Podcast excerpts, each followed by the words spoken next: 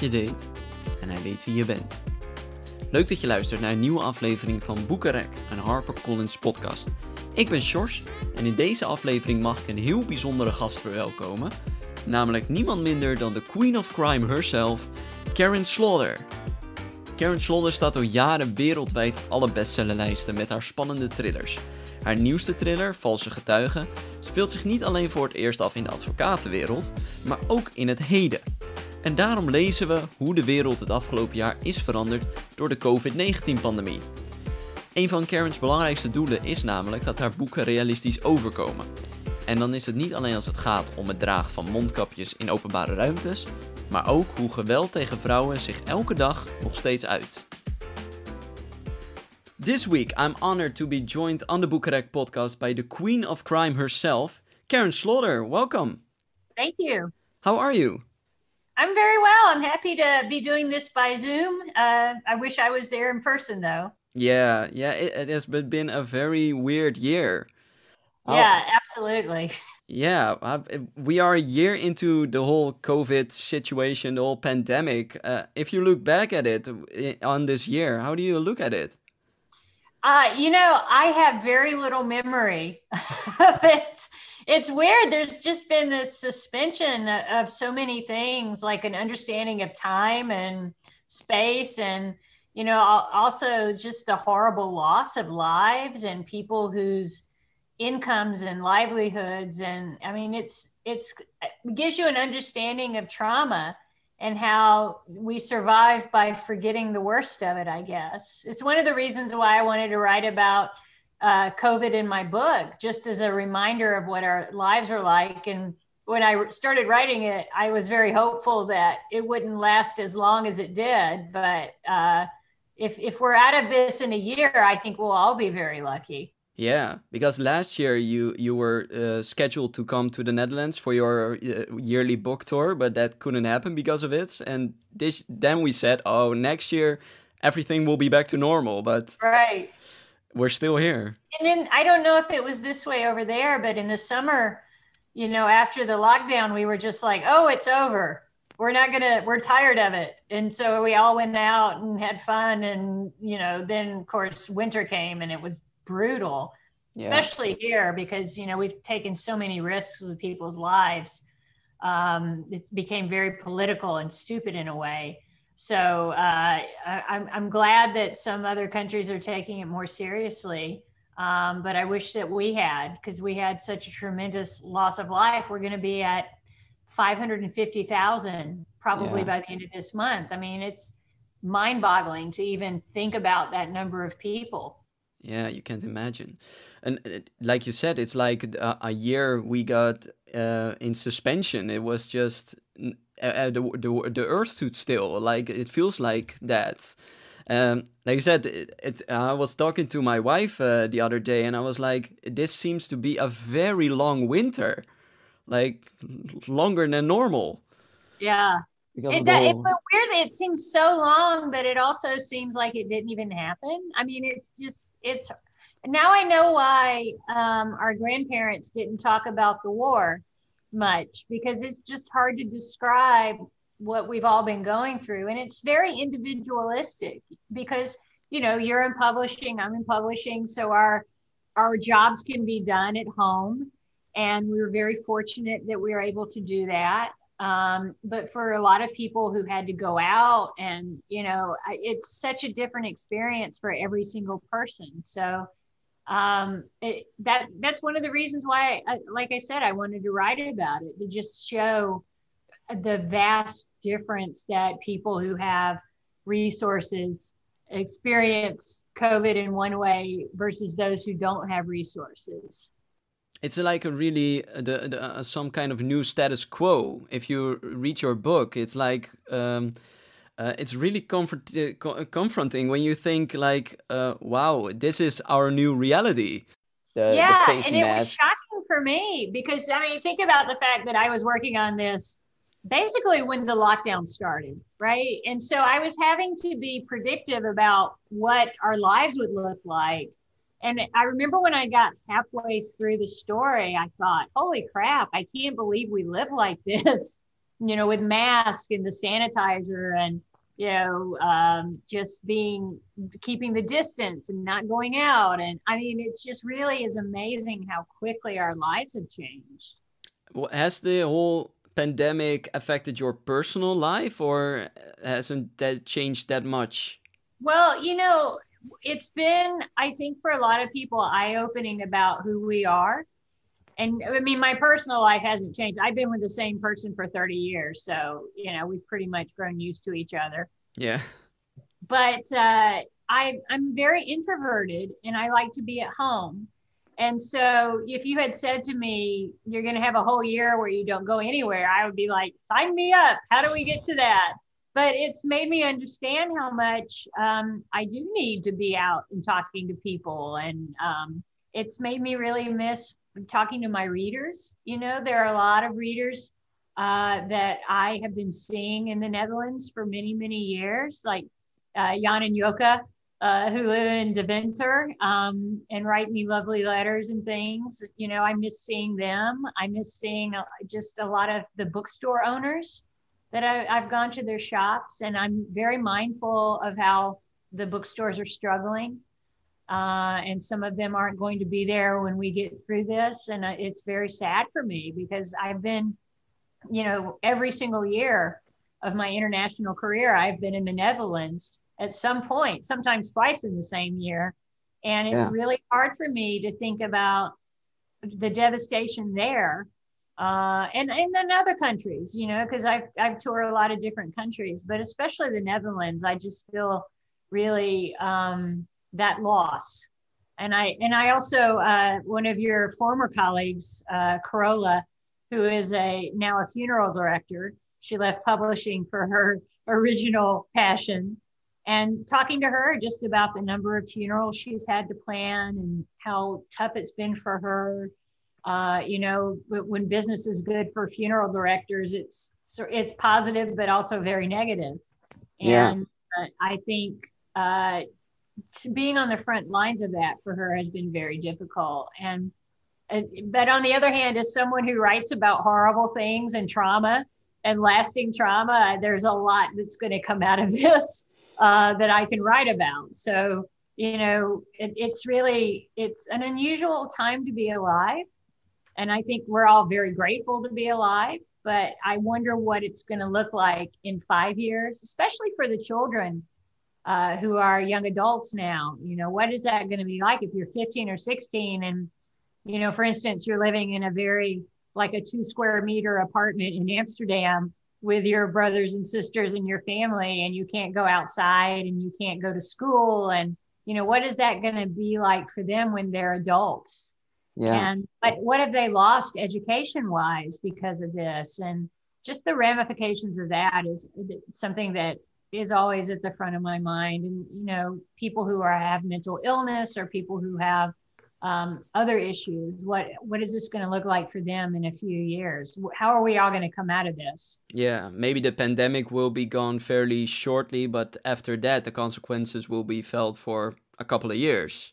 Yeah, yeah. Absolutely. You know, and if you think about, like, I'm from Generation um, X, uh, the screwed generation, because we were caught, caught between the baby boomers and a lot of economic boom. And then we get the AIDS crisis. And then we get, you know, so we, we, we have a lot that my generation has experienced. We're the first generation that is probably not going to do as well as our parents, just generationally but you know a lot of us were raised by parents who are fathers who were in vietnam and you know we have the we've inherited the scars from that yeah. uh, and i wonder what scars not just this generation inherits but the generation they raise you know and the economic hardship that will carry through for them especially people who are living in the margins right now.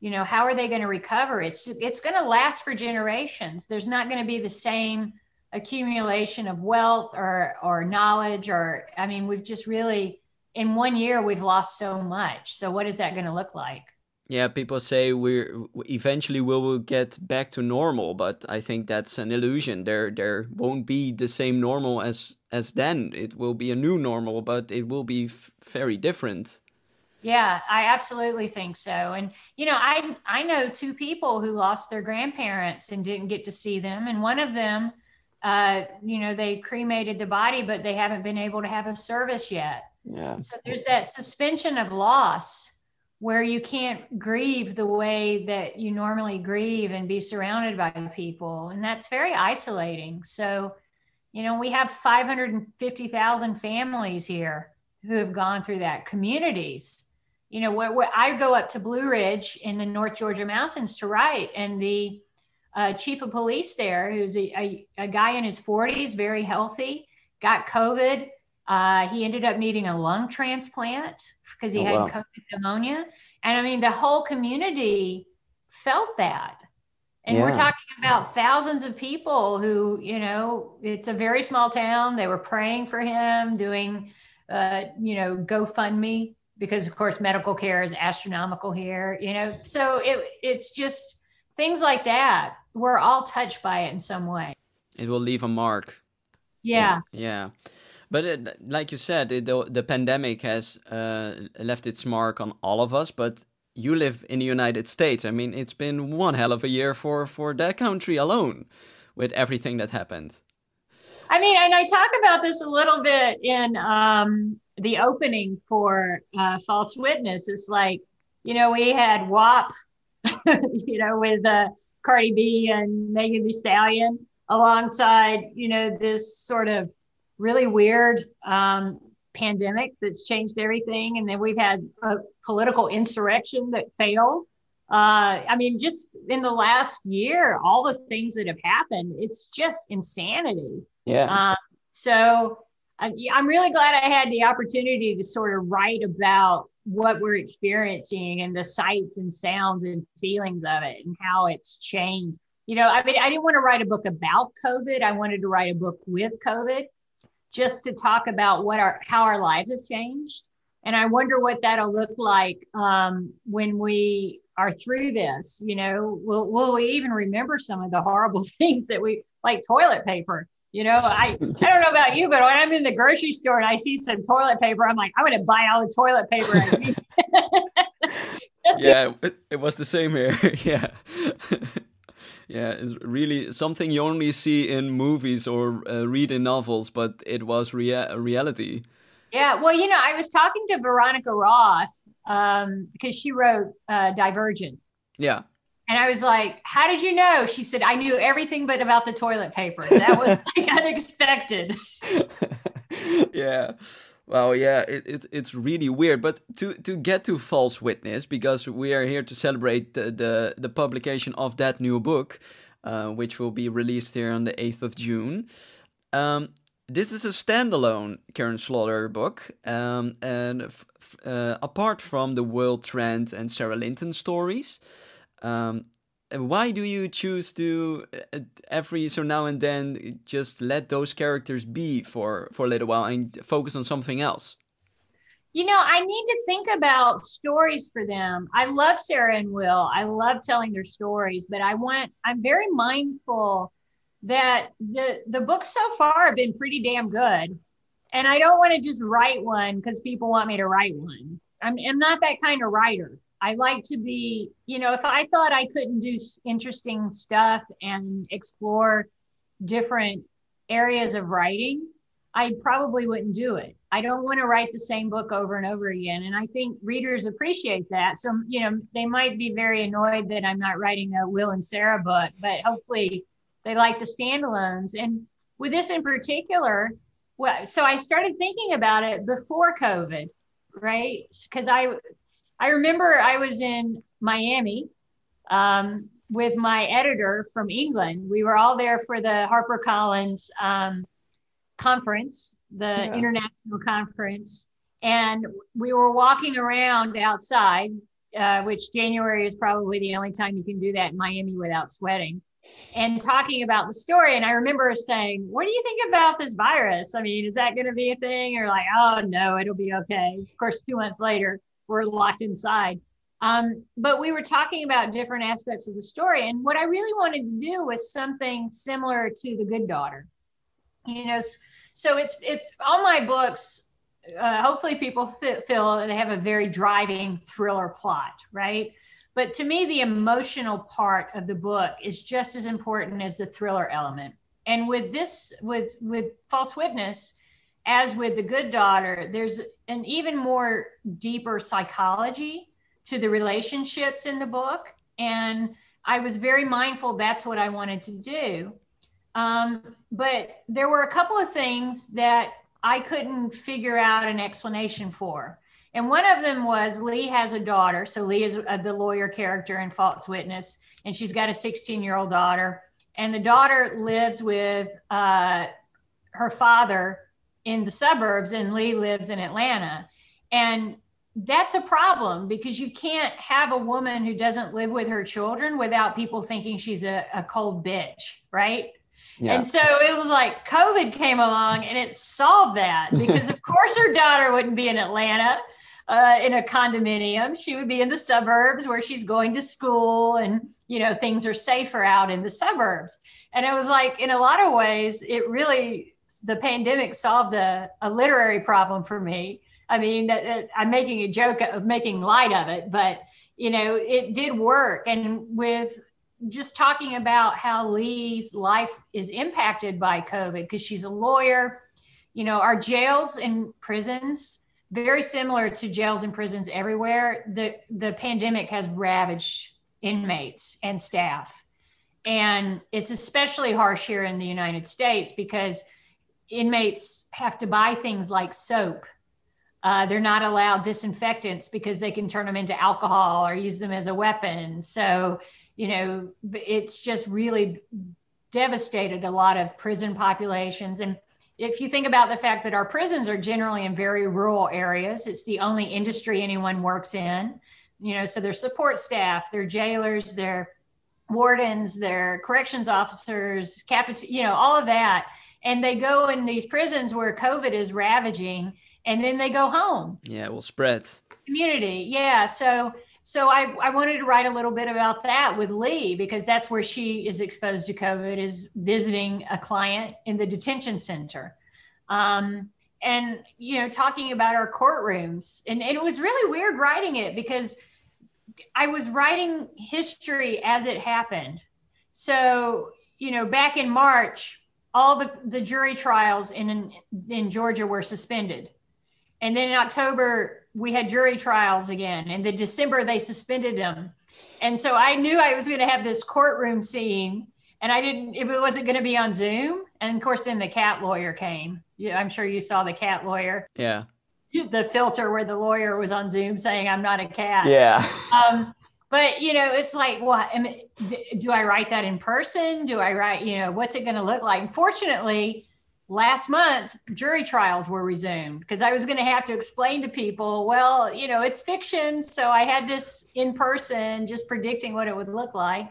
And, you know, when I started writing, we had no idea whether or not we'd have vaccines or when or so I, a lot of that was just me paying close attention, like probably closer attention than most to all of this stuff in the pipeline because it would change the flow of the book depending on what was happening. And you know now we have vaccine hesitancy which what a western privilege yeah. to forego a vaccine. I mean i mean there's no more better example particularly a white western privilege than to say no i don't want a vaccine. Um, so you know congratulations on your world-class health care that will take care of you if this happens so I, you know, I wanted to to capture that, but it was like at every point, every month almost, I had to change something in the book uh, to make it adapt to what was actually going on. But that's really a, a, fascinating way to write your story. I mean, you have to, I imagine the, the storyline in your head, but things are developing in real life, so you have to adapt to that. Well, I'm the only person when the vaccines came that said, fuck, go back and like have the so first responders would get it first, right? I just predicted that, right? And I was right about it. Or you know, pe- older people getting it first. I felt very confident that would happen. But then I thought, this is America. Rich people are going to find a way to get it. They just are. And so, of course, that was another layer into it. Yeah. Well, it's a really fascinating way of, uh, to write a story. Uh, but um, No, no, I can imagine. Um, but uh, to also go back to your other books, one of your main themes you always uh, talk about in your books is violence uh, against women. Um, and false witness is no exception to that. Um, uh, just take the prologue; it's it's really uh, it's violence against a woman, but uh, also very it touches on a very other difficult subject. Um, we won't spoil it here, um, but why do you choose to always um, to always give that team uh, some um, yeah some some some story in, in your books? Well, I will say that I have written about men violence against men, but no one seems to care or remember that. so sorry. Uh, just some preview of what a, what would happen if you were murdered. Um, but uh, you know, I feel very strongly that it's my job as a writer. Every writer has a calling about what they're going to do, whether it's writing cat mysteries or knitting mysteries or, you know, graphic thrillers or whatever. But for me, I I want to write as realistically as I can what violence against women looks like because a, a lot of times it's glossed over and certainly if you don't want to read about it there are bazillions of other books for you right? I don't want to say someone should read mine as just required reading. I mean absolutely they should buy it but they don't have to read it. Um, because it to me it's very important to show and talk about what is happening. And unfortunately violence against women is happening every minute. You know it's still a very present crime in the United States alone, nearly a quarter of a million women over the age of 18 report some sort of sexual assault every year. And we don't really talk about it, or we find ways to blame the women, or we say it's not that bad. You know, Me Too has changed it, but there's also been this backlash against Me Too, right? Well, don't ruin men's lives. Well, what about women's lives? You know, um, we, why are we worried about the 1% of men who are falsely accused and not the 99% of women who are violently assaulted? Uh, so I, I want to write about that. And part of it is because when I was growing up, my grandmother was being abused by my grandfather. And we would see her on Sunday uh, after church, and she would have a black eye or a split lip, or, you know, sometimes her arm would be broken and she would we would just joke oh grandma is so clumsy. And as i got older i thought no one is that clumsy you know because it but it was just normalized. And yeah. i as a witness to this i can promise you not talking about it did not help her. It helped my grandfather. It covered for him right? Yeah. and it was considered private. No one would want to get into their marriage right? Because, uh, you know, he could do whatever he wanted. So to me, that gave me the onus to write those stories and talk about what it's like from the inside and how complicated it is. And it's very easy to say a woman in an abusive relationship should just leave, but you don't think, okay, well, how would she leave? What would she do? Does she have money? What would happen to her children? You know, there are some some states in America where if you are raped, and your rapist is convicted of the crime and is in prison, if you are impregnated during that rape, he can tell you that you can't get an abortion. Oh, wow. And if you do do have that child, he gets visitation rights. Yeah. So, you know, okay, well tell me how that woman is ever going to recover from that if she's yeah. constantly if her abuser constantly has control of her and her child. I, I think it's something that people just don't don't realize. Like you said, as a as a child, you don't think about it, but as an adult, people uh, don't look away from it, but they don't see it. I think. Uh, I think last week there were numbers published in the UK that 1.4 percent of all rape cases don't get uh, get convicted. Just 1.4 percent. So there's 99 percent that doesn't even go to trial, and that that says a lot about how people think about those uh, acts of violence. That we think, oh, well, um, it's not that, uh, yeah, that important that we that we convict people of that. Yeah, Well, you know, also it's really interesting to me from an economic standpoint because I mean, there's the medical cost, of course, but there's the loss of income from these women not working. Yeah. Um, you know, there's the the money spent on policing. All I mean, there's a lot of money, and I, I'm saying this to a Dutch audience in, in specific because I know Dutch people love to save money. Um, but think of the money you could save if you gave that woman just su- support to get out of that relationship, right? It would be probably millions of dollars saved because for my grandmother, you know, um, she had a very a, a, part-time job, and when she was abused and she had uh, broken bones or pain, and she couldn't go to work, then she lost that income. Yeah. And if she want, and when she was finally able to leave, it was only because my father, who in the, at that point was 23 years old, was able to help support her. And to because at that time women couldn't rent a house if they were single they couldn't get a credit card, they couldn't get a car loan, you know. So my father had to do all of that for my grandmother, which was very humiliating for her. Yeah. Uh, and we don't think about the lack of dignity attached to some of these crimes and and sh- think about children seeing that. I yeah. mean, definitely children don't always perpetuate the situation, but they're traumatized by it and we're allowing it to happen because it's really uncomfortable to talk about. And we'd rather think that all these women are lying or they just want attention or you know I mean, the, the the amount of effort we put into making sure men are okay and their feelings aren't hurt uh, you know is just the wasted time of that is unfathomable you know yeah. just like the maintenance we do to make sure these men are okay yeah. if we did half of that for women imagine where we'd be I, can talk about this for hours with you, but I, am unfortunately I have to let you go in a little bit. So um, I'm gonna ask uh, two final questions. Um, last year you celebrated your 20th anniversary. Yes. Um, Self. All by yourself uh, in the whole COVID pandemic situation, but you did. Um, and now there's false witness. Um, do you consider this as uh, the start of a new age for Karin Slaughter? You know, maybe because the last book, The Silent Wife, was a mix of Grant County and Will Trent and Sara. Um, and it did feel like, you know, it's time to restart because this, this is my 21st book and I'm really happy with it. I, I just, I love the characters. I love what it says. I love the ending. Um, I think it's a particularly strong ending. Uh, so it, people who like uh, Karin Slaughter books, I think, will be very happy with this. And on a personal level, it's like, uh, yeah, I still got it. So I feel very happy with it. I heard a rumor that you uh, that you thought this this book was maybe your favorite.